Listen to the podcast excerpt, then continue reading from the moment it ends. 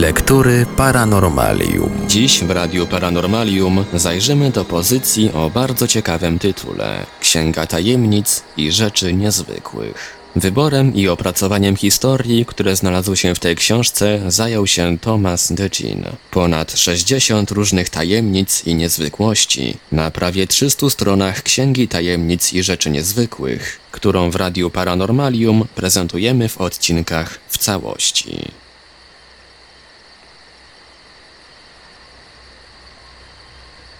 Yeti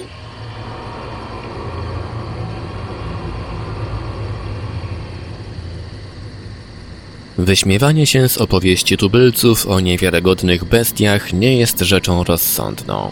Tubylcy czasem wiedzą, co mówią. Potwierdziło się to w drugiej połowie XIX wieku, kiedy amerykański badacz Paul Duchaliu przywiózł z jednej ze swych wypraw skórę i szkielet gigantycznego goryla, ku wielkiemu zakłopotaniu uczonych. Do tej pory nikt nie znalazł ani skóry, ani sierści legendarnego człowieka śniegu Himalajów. Mimo to są naukowcy, którzy wierzą, iż może się to zdarzyć w każdej chwili. Ludy zamieszkujące ten surowy region naszego globu nazywają te stwory Yeti, co znaczy ohydny, odrażający, straszny. Zgodnie z tym, co podają tubylcy, Yeti żyją wysoko, w niedostępnych kryjówkach Himalajów. Problem polega na tym, że od czasu do czasu stwory te schodzą w dół, do wiosek. Według opowieści szerpów, Yeti nie ograniczają się do jedzenia żab ze stawów w dolinach czy też delikatnych pędów drzew lub krzewów. Zaspokajają swój głód również świeżym mięsem, czasem kozą, czasem młodym jakiem, a nawet porwanym dzieckiem albo samotnym pastuchem, który popełnił ten błąd, iż spał samotnie w słońcu.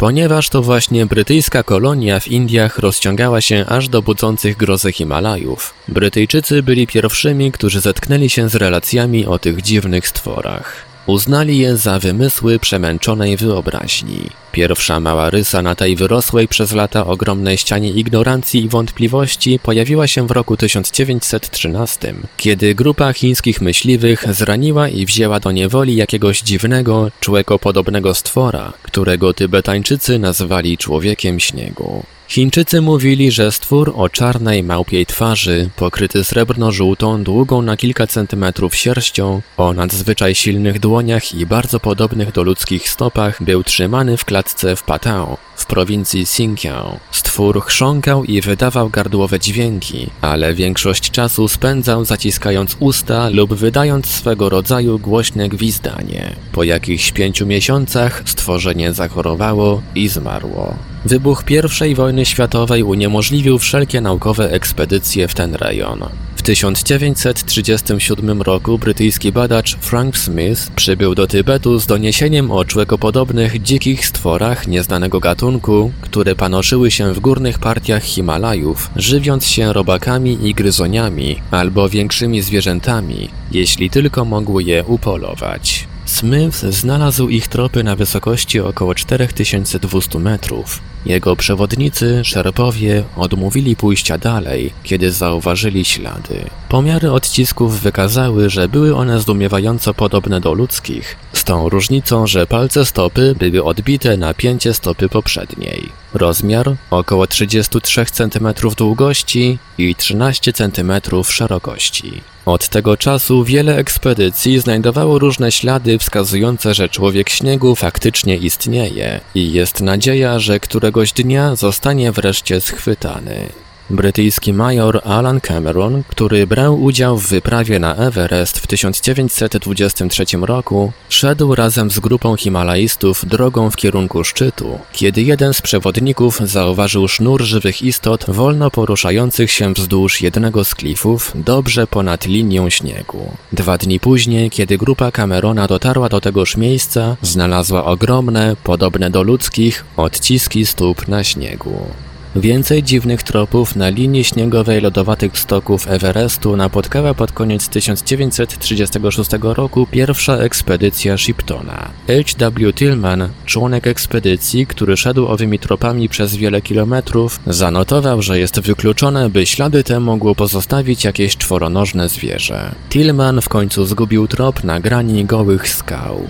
1958 roku amerykański naukowiec dr Norman Dyrenforth donosił z Katmandu w Nepalu, że znalazł dowody, które przekonały go, iż ludzie śniegu są albo jakimś gatunkiem Homo sapiens, albo nieznanych istot człekokształtnych. Przeszukiwał on jaskinie, w których istoty te żyły bez ognia, zbierał resztki jedzenia, włosy, zarówno srebrno-szare, jak i rudawo-brązowe, sporządzał gipsowe odlewy odcisków stóp i gromadził inne drobiazgi, by udowodnić, że nieuchwytni ludzie śniegu są realnymi istotami. Duże osobniki mają wzrost około 2,4 metra, a małe 1,20 m. W 1958 roku pewien antropolog wysunął przypuszczenie, że odciski stóp człowieka śniegu są odciskami pozostawionymi przez tubylców, których palce wystają ze znoszonych sandałów. Na co Chicago Tribune odpowiedziała: Jest to dobre wytłumaczenie dla kogoś, kto tam nie był.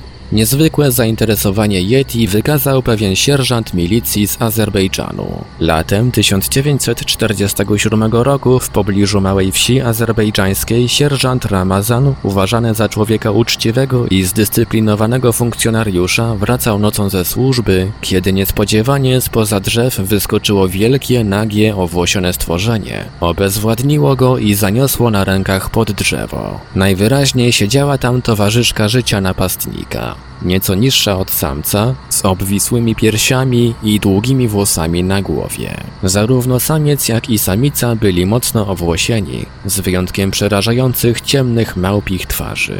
Dzikie stwory wydawały nieartykułowane dźwięki i zaczęły z zainteresowaniem obmacywać sierżanta, zwracając szczególną uwagę na błyszczące guziki jego munduru. Oba małpoludy próbowały przekonać się nawzajem, że zdobycz jest niepodzielną własnością jednego z nich. Warczały, popychały się, a raz nawet się pobiły. Dopiero o świcie stworzenia oddaliły się i zniknęły w lesie. Skromny milicjant z Azerbejdżanu może więc powiedzieć o sobie, że jest prawdopodobnie jedynym człowiekiem, o którego pobiły się Yeti. Doniesienia o człowieku śniegu napływały w latach 60., 70. i 80., co pozwala przypuszczać, iż Yeti nie wyginęły i dalej wiodą swoje życie w mało dostępnych zakątkach Azji. Najświeższe doniesienie pochodzi z 1990 roku. Złożył je nie byle kto, bo sam Reynold Messner, zdobywca wszystkich ośmiotysięczników i najlepszy Himalajista świata. Podczas swojej ostatniej wyprawy napotkał i oglądał na własne oczy człowieka śniegu, co nie bez pewnych wahań ujawnił na konferencji prasowej. Po zdobyciu wszystkich ośmiotysięczników, Messner ma teraz nowy cel w życiu. Organizuje specjalną wyprawę w Himalaje, której celem jest schwytanie Yeti.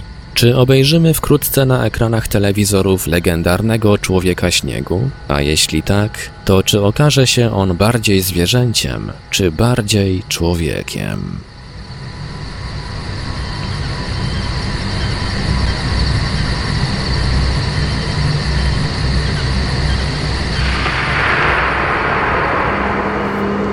Lektury Paranormalium.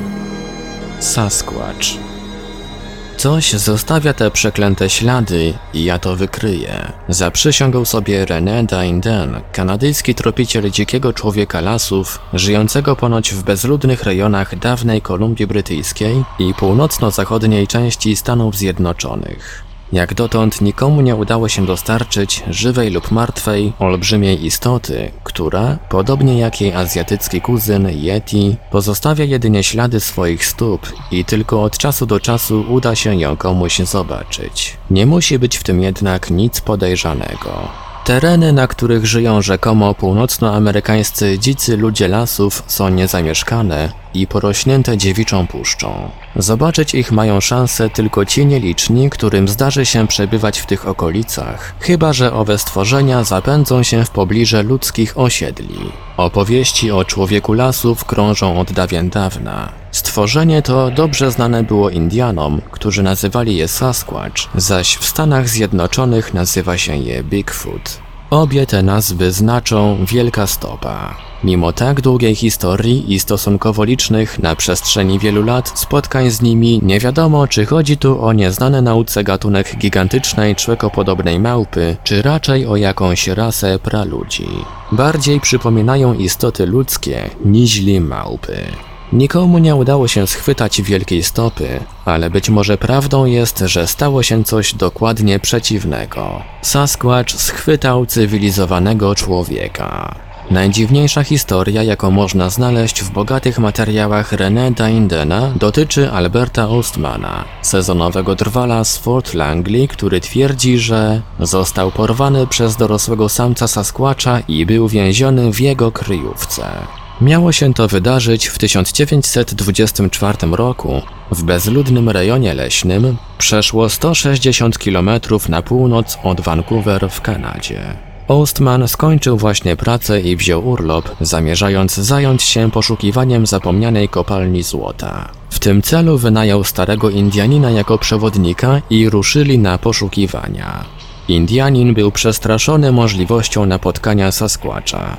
Pewien biały człowiek, który przynosił regularnie złoto z opuszczonej kopalni, nagle w zagadkowy sposób zniknął i Indianin podejrzewał, że kryje się za tym Bigfoot. Jednakże Ostman, który nigdy nie słyszał o dzikim człowieku lasów, wyśmiał go. Kiedy osiągnęli brzeg małej zatoczki, Ostman rozbił obóz i przykazał Indianinowi, by czekał na niego przez trzy tygodnie, sam zaś udał się na poszukiwanie złota. Miał ze sobą śpiwór, strzelbę typu Winchester, a wśród drobiazgów w plecaku także kilka blaszanych pudełek z tytoniem do rzucia. Rzecz, która później odegra ważną rolę. Po kilku dniach samotnej włóczęgi znalazł się w całkowicie dzikim terenie. Trudno było wyobrazić sobie, że oprócz zwierząt można tu spotkać jakąś żywą istotę, a jednak Pewnego ranka Ostman spostrzegł, że niektóre przedmioty są porozrzucane. Nic nie zginęło, ale w nocy ktoś najwyraźniej grzebał w jego rzeczach. Następnej nocy, relacjonuje Drwal, załadowałem starannie strzelbę. Miałem jeszcze pełne pudełko zawierające 20 naboi, nie licząc całego magazynka i sześciu naboi luzem w kieszeni kurtki. Strzelbę schowałem pod śpiwór. Kiedy obudziłem się rano, plecak był wypróżniony. Ktoś wywrócił go do góry nogami. Wisiał dalej na tyczce, zaczepiony na ramionczku, tak jak go powiesiłem. Później zauważyłem, że zginęło pół paczki suszonych śliwek. Zniknął także placek. Poprzedniej nocy myślałem, że odwiedził mnie jeż, ale gdyby tak było, powinna być ruszona sól. Jeże bardzo ją lubią. Sól była jednak nietknięta, więc uznałem, że musiało to być coś innego. Z powodu złej pogody Ostman nie opuszczał obozowiska przez trzy dni. Wizyty tajemniczego gościa powtarzały się noc w noc. Jednak następnej nocy nie było już mu dane przespać. Obudziłem się, ponieważ coś mnie podniosło do góry. Byłem jeszcze na wpół przytomny i w pierwszej chwili nie wiedziałem, gdzie jestem. Kiedy zabrałem myśli, przypomniałem sobie, że jestem na wyprawie i leżę w śpiworze. Moją pierwszą myślą było, że ześlizguję się po śniegu, ale nie było żadnego śniegu. Następnie miałem wrażenie, że jadę na koniu, ale to coś, co mnie niosło, najwyraźniej kroczyło. Dyszało ciężko i czasami wydawało z siebie kaszylnięcie. Teraz już wiedziałem, że to musi być Sasquatch, jeden z tych mieszkających w górach olbrzymów, o których mówił Indianin. Po pewnym czasie niesamowita podróż na plecach skończyła się i Ostman został położony na miękkiej ziemi. Było jeszcze ciemno i nie dawało się rozróżnić szczegółów, dopóki blask wschodzącego słońca nie oświetlił niezwykłej scenerii. Wokół drwala stały cztery przerażające istoty. Wszystkie były olbrzymiego wzrostu i pokryte czarnymi, długimi włosami. Tworzyły najwyraźniej rodzinę. Stary Sasquatch, który przytaszczył Ostmana, był najpotężniejszy, mając prawie 2,4 metra wzrostu. Jego samica była o 30 cm niższa i wyglądała na jakieś 250 do 270 kg wagi. Młody samiec mierzył podobnie jak jego matka 2,1 metra wzrostu i miał około 140 cm obwodu w klatce piersiowej. Najmniejsza była młoda samica, najwyraźniej w wieku dziecięcym, gdyż nie miała jeszcze rozwiniętych piersi. Jedynymi częściami ciała niepokrytymi włosami były wewnętrzna strona dłoni i podeszwy stóp, górna część nosa i okolice oczu. Uszu nie było widać, gdyż zasłaniała je szczecina włosów. Włosy na głowach miały około 15 cm długości, na ciele były krótsze, ale znacznie grubsze. Kiedy Ostman oprzytomniał i wyzwolił się z pierwszego strachu, rozejrzał się z ciekawością dookoła. Znajdował się w głębokiej, maleńkiej kotlince o wysokich ścianach skalnych. Na północnym wschodzie znajdował się otwór szeroki na 2,5 metra, a wysoki na 6 metrów w najwyższym punkcie. Był to otwór, którym dostali się do środka. Jakkolwiek przestraszony, Ostman wkrótce uspokoił się. Miał większość swoich rzeczy, łącznie z plecakiem, w którym znajdowało się jedzenie i kawa, oraz strzelbę z pełnym magazynkiem i dodatkowymi nabojami. Przez dwa dni wytężał umysł, próbując wymyślić, w jaki sposób uciec. A ponieważ nic zadowalającego nie przychodziło mu do głowy, po prostu podszedł do otworu prowadzącego na wolność.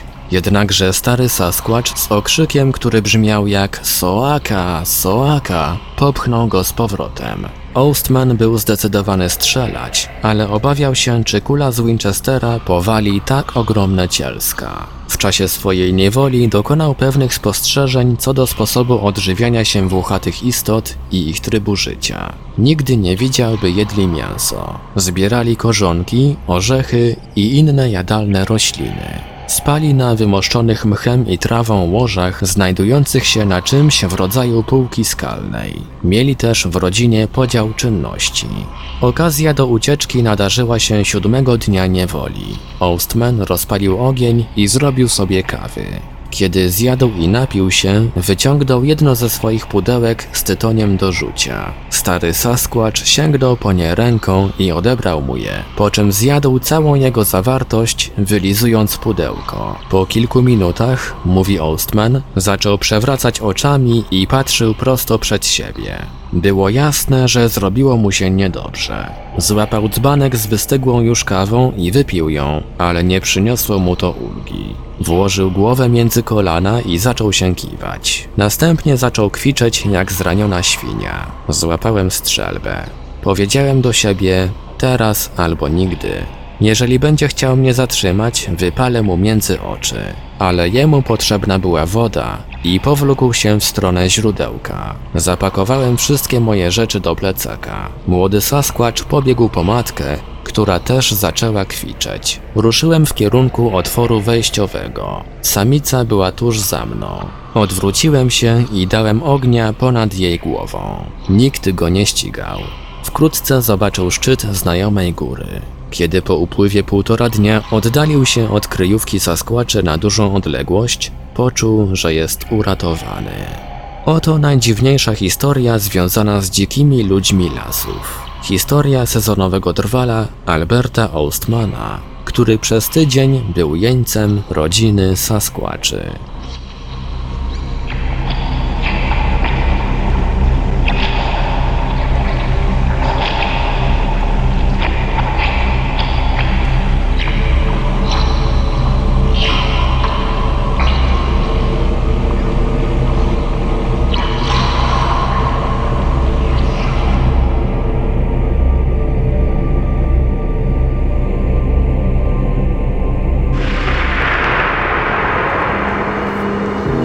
Lektury Paranormalium. Neandertalczyk w bryle lodu?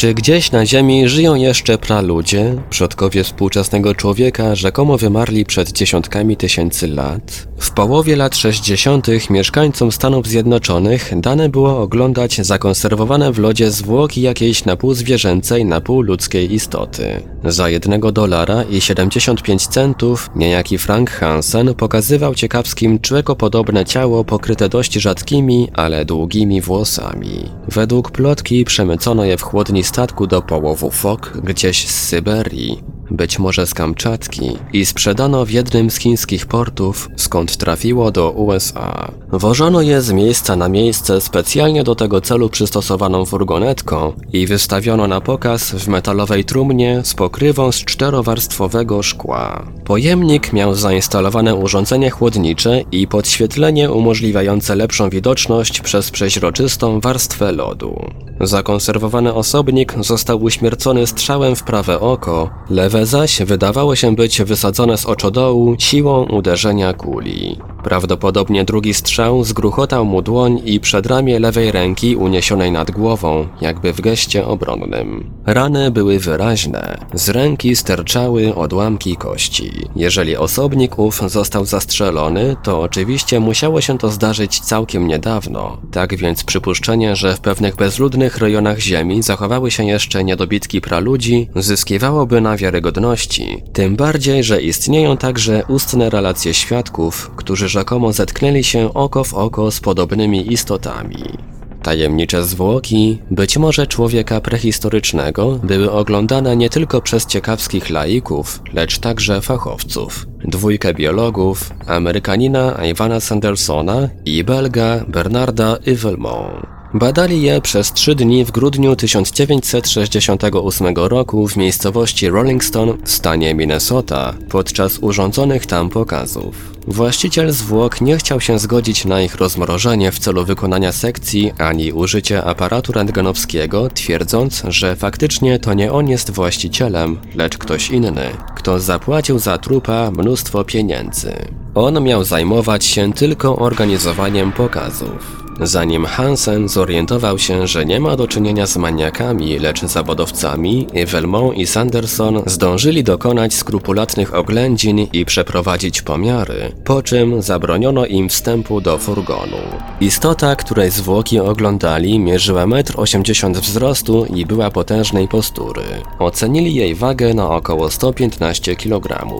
Tułów osobnika, inaczej niż u współczesnych ludzi, zwężał się nie w pasie, lecz w biodrach. Szyja wydawała się bardzo krótka, co jest zgodne z naszą wiedzą o człowieku neandertalskim uzyskaną na podstawie wykopalisk. Również żuchwa podobna była do żuchwy okazów kopalnych. Masywna, szeroka i pozbawiona tak zwanej guzowatości brudkowej. Tak samo jak neandertalczyk, zamrożona istota miała szeroką twarz z mocno wystającymi kośćmi policzkowymi.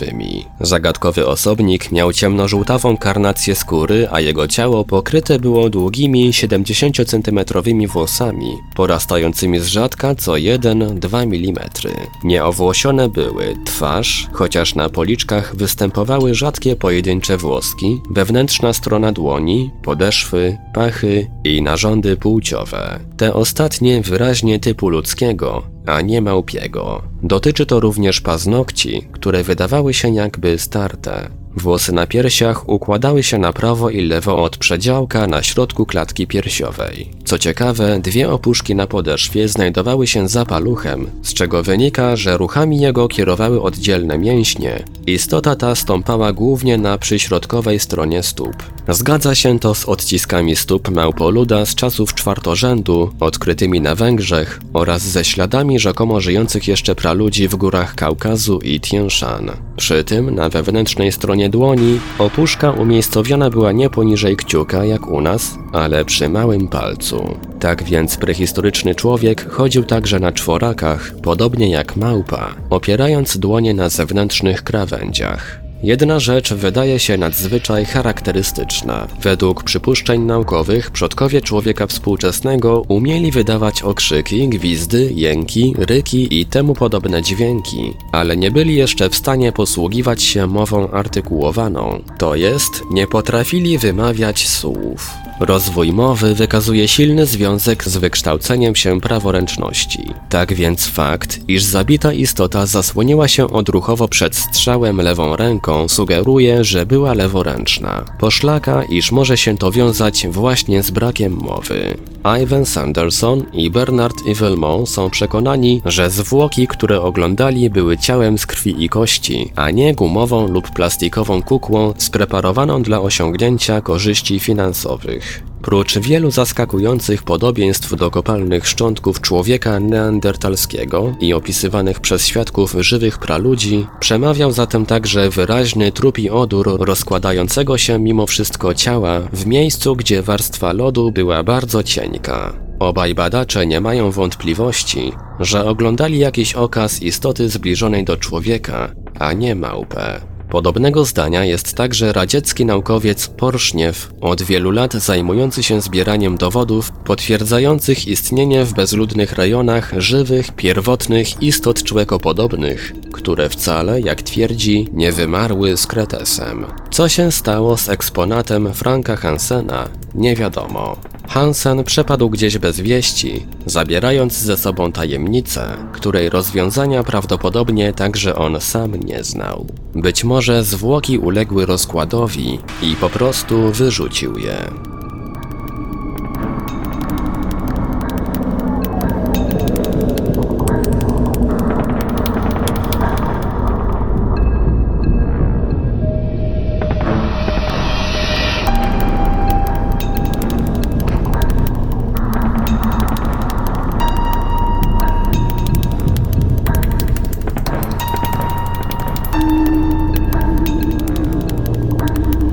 Fragment książki Tomasa Degina Księga Tajemnic i Rzeczy Niezwykłych. Dalszy ciąg w kolejnym odcinku Lektur Paranormalium. Lektury Paranormalium.